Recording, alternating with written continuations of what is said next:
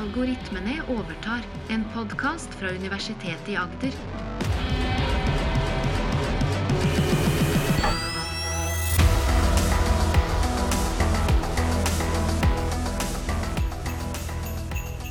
Dette er en julekalender spesial, hvor det bak hver luke skjuler seg en ny algoritme.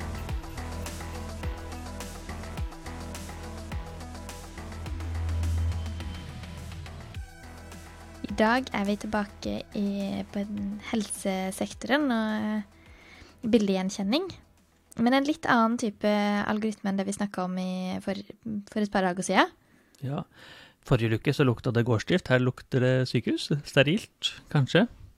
Og så nå er det en ny type algoritme, men også en ny type anvendelsesområde. For, forrige helsealgoritme var med hjernesvulst. Her er det med prostatasvulst som vi jobber med. Et litt annet sted på kroppen? Et litt annet sted på kroppen.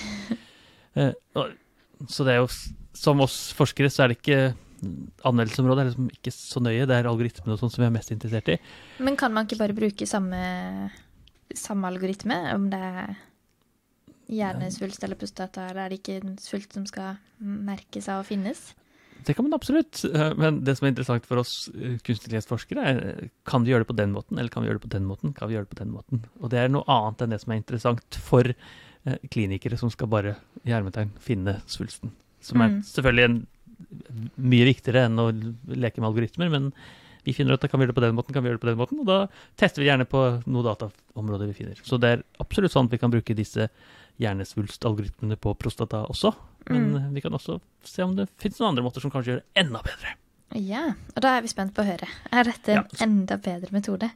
Det får vi se, vet du. Så algoritmen, artikkelen heter 'Contrastive Axial eh, T2V MRA for Prostate Cancer Triage, a Self-Supervised Learning Approach'. Og forfatterne er Alva, Alvaro Kiels, Kiles, Trygve Eftestøl, Morten Gudvin, Svein Kjosavik, Tor Ole Gullsrud og Ketil Oppedal. Så det er jo da eh, Alvaro fra Universitetet i Stavanger, og i gikk tett samarbeid med sykehuset i Stavanger, som har vært pådriver på denne artikkelen, mens jeg har vært så heldig å få vært med og dyttet litt og veiledet litt i riktig retning. Så flott. Så det er i eh, konferansen IEEE International Symposium of Biomedical Imaging. Så eh, problemet vi har sett på her, er prostatakreft, som vi har snakket om, men egentlig enda mer spesifikt kan vi trene det opp med lite data. Disse algoritmene er store og datatørste, eh, eh, så fins det veldig få eksempler hvor man egentlig har nok bilder for å få en god nok nøyaktig kunstig intelligens til å å fungere godt. Så da tenker jeg, er det finnes det en måte å gjøre det litt bedre på, og det er det vi har eh, jobbet med her. Mhm. Og da har vi, eh, da har vi med Alvor i spissen utviklet noe som heter eh, SIM, CLR, som er da eh, CLR står for kontrastiv læring. Og det er at man gjør denne prosesseringen, denne oppdagelsen av svulsten, med en tostegsprosess. Vi gjør det i to steg.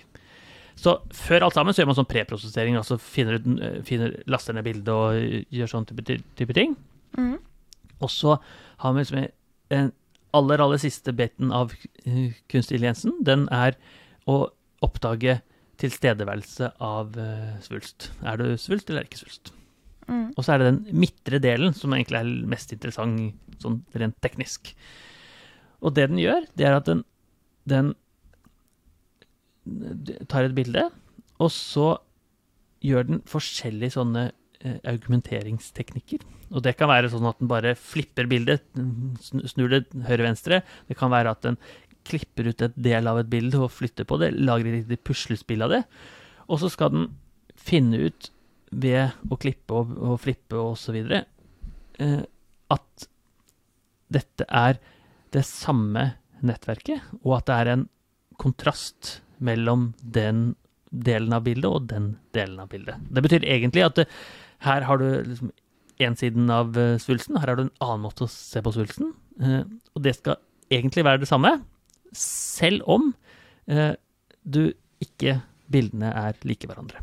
Så hvis du snur svulsten fram og tilbake, eller hvis du zoomer inn eller zoomer ut på svulsten, så skal det fremdeles være den samme svulsten, selv om det ikke ser sånn ut, er tanken da. Betyr det at den da på en måte lager flere bilder på seg selv av noe som egentlig fins ett bilde av? Helt riktig. Også, Så for å få mer data, egentlig? Mer Nettopp, for å få mer data. Og så Poenget er da at dette fungerer autonomt, så du trenger ikke liksom å gå inn og nå skal jeg lage masse ny data osv., men det skjer bare som en ren prosess av treningen. Så du trener, og så liksom i, i, etter at du har gjort all den preprosessering, så jeg finne, kan jeg finne nøyaktig kontrast mellom disse. Er, det bør være veldig, veldig lite forskjell på akkurat disse.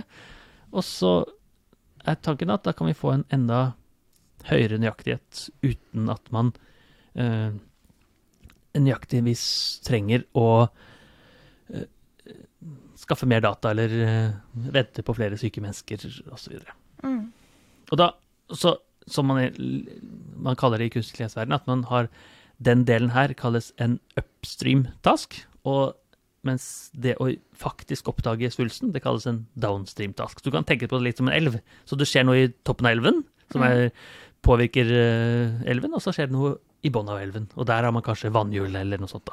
Mm. Så den, eh, det som er in interessant her, er liksom hvor mye data trenger du på helt siste del av kunstintelligensen eh, versus i den første del av kunstintelligensen, som handler om kontrast osv. Eh, og så egentlig bare, for det det betyr i praksis, da, hvor mange bilder trenger du som det er en lege som er inne og ser på, og tegner rundt svulsten osv. for å trene opp en god kunstig intelligens. Så vi vil ha minst mulig av det, men allikevel ikke miste noen nøyaktighet. Det er Mm. hele ideen. Så da eh, har vi testet. Så hvis vi har testet mot forskjellige typer teknikker, hvis vi finner en eh, Hvis vi tar 1 av dataene eh, til den siste biten, altså bare oppdage, trene bare eh, tegning av svulst, så hvis man ikke har denne kontrastive metoden, denne våre metoden, så klarer man i 52 av tilfellene å oppdage svulsten. Og hvis vi da tar vår metode, så klarer de 66% av tilfellene å finne svulsten. Og det er, Det er ganske poenget er at du, da har du Mye bedre.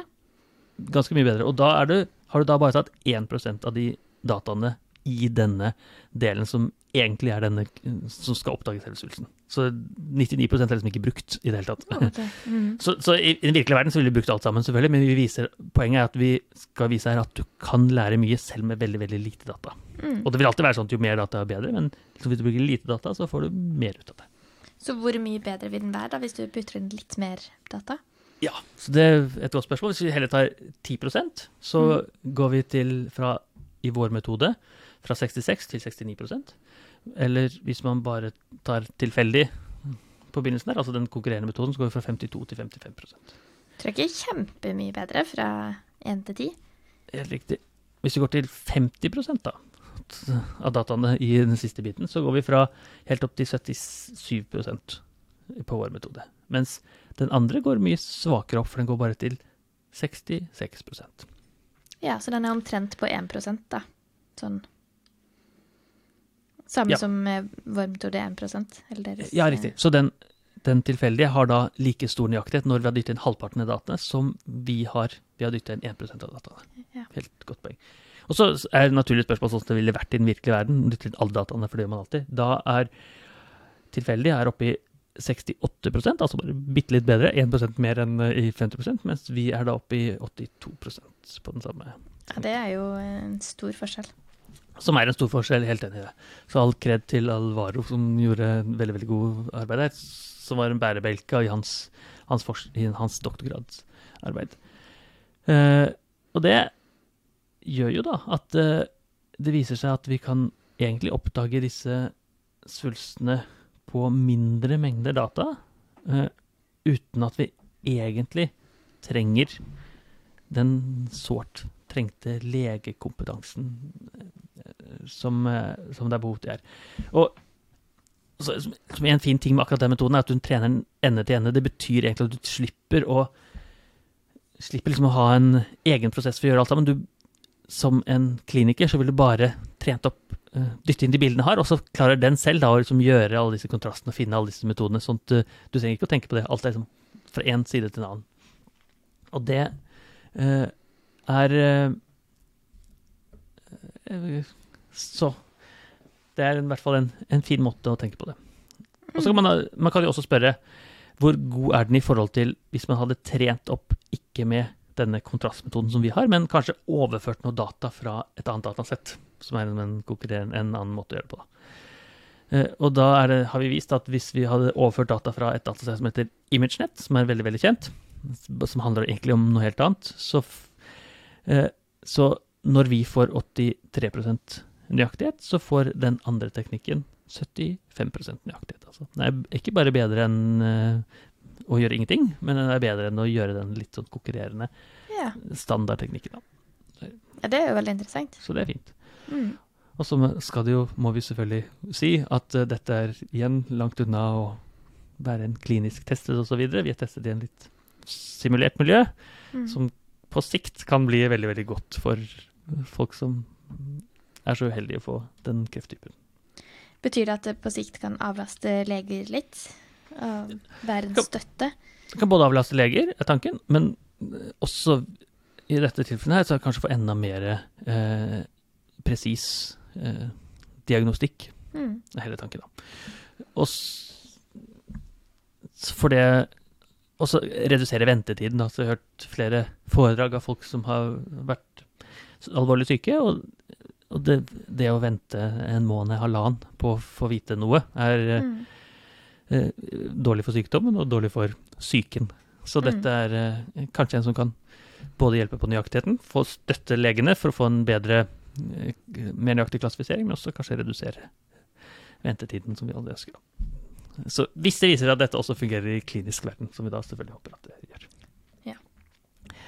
Så da var vi Da var vi gjennom eh, luke 19, som handlet om eh, den alvorlige sykdommen prostatakreft. Og jeg håper at i luke 20 så er det ikke så alvorlig.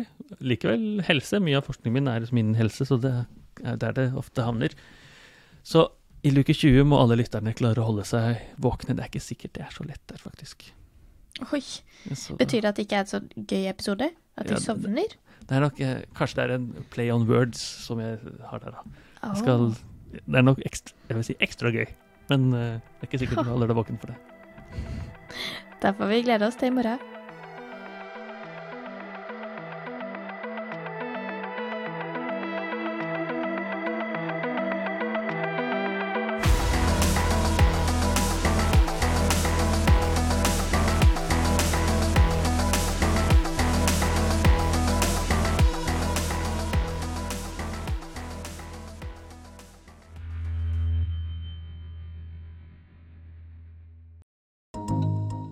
Universitetet i Agder.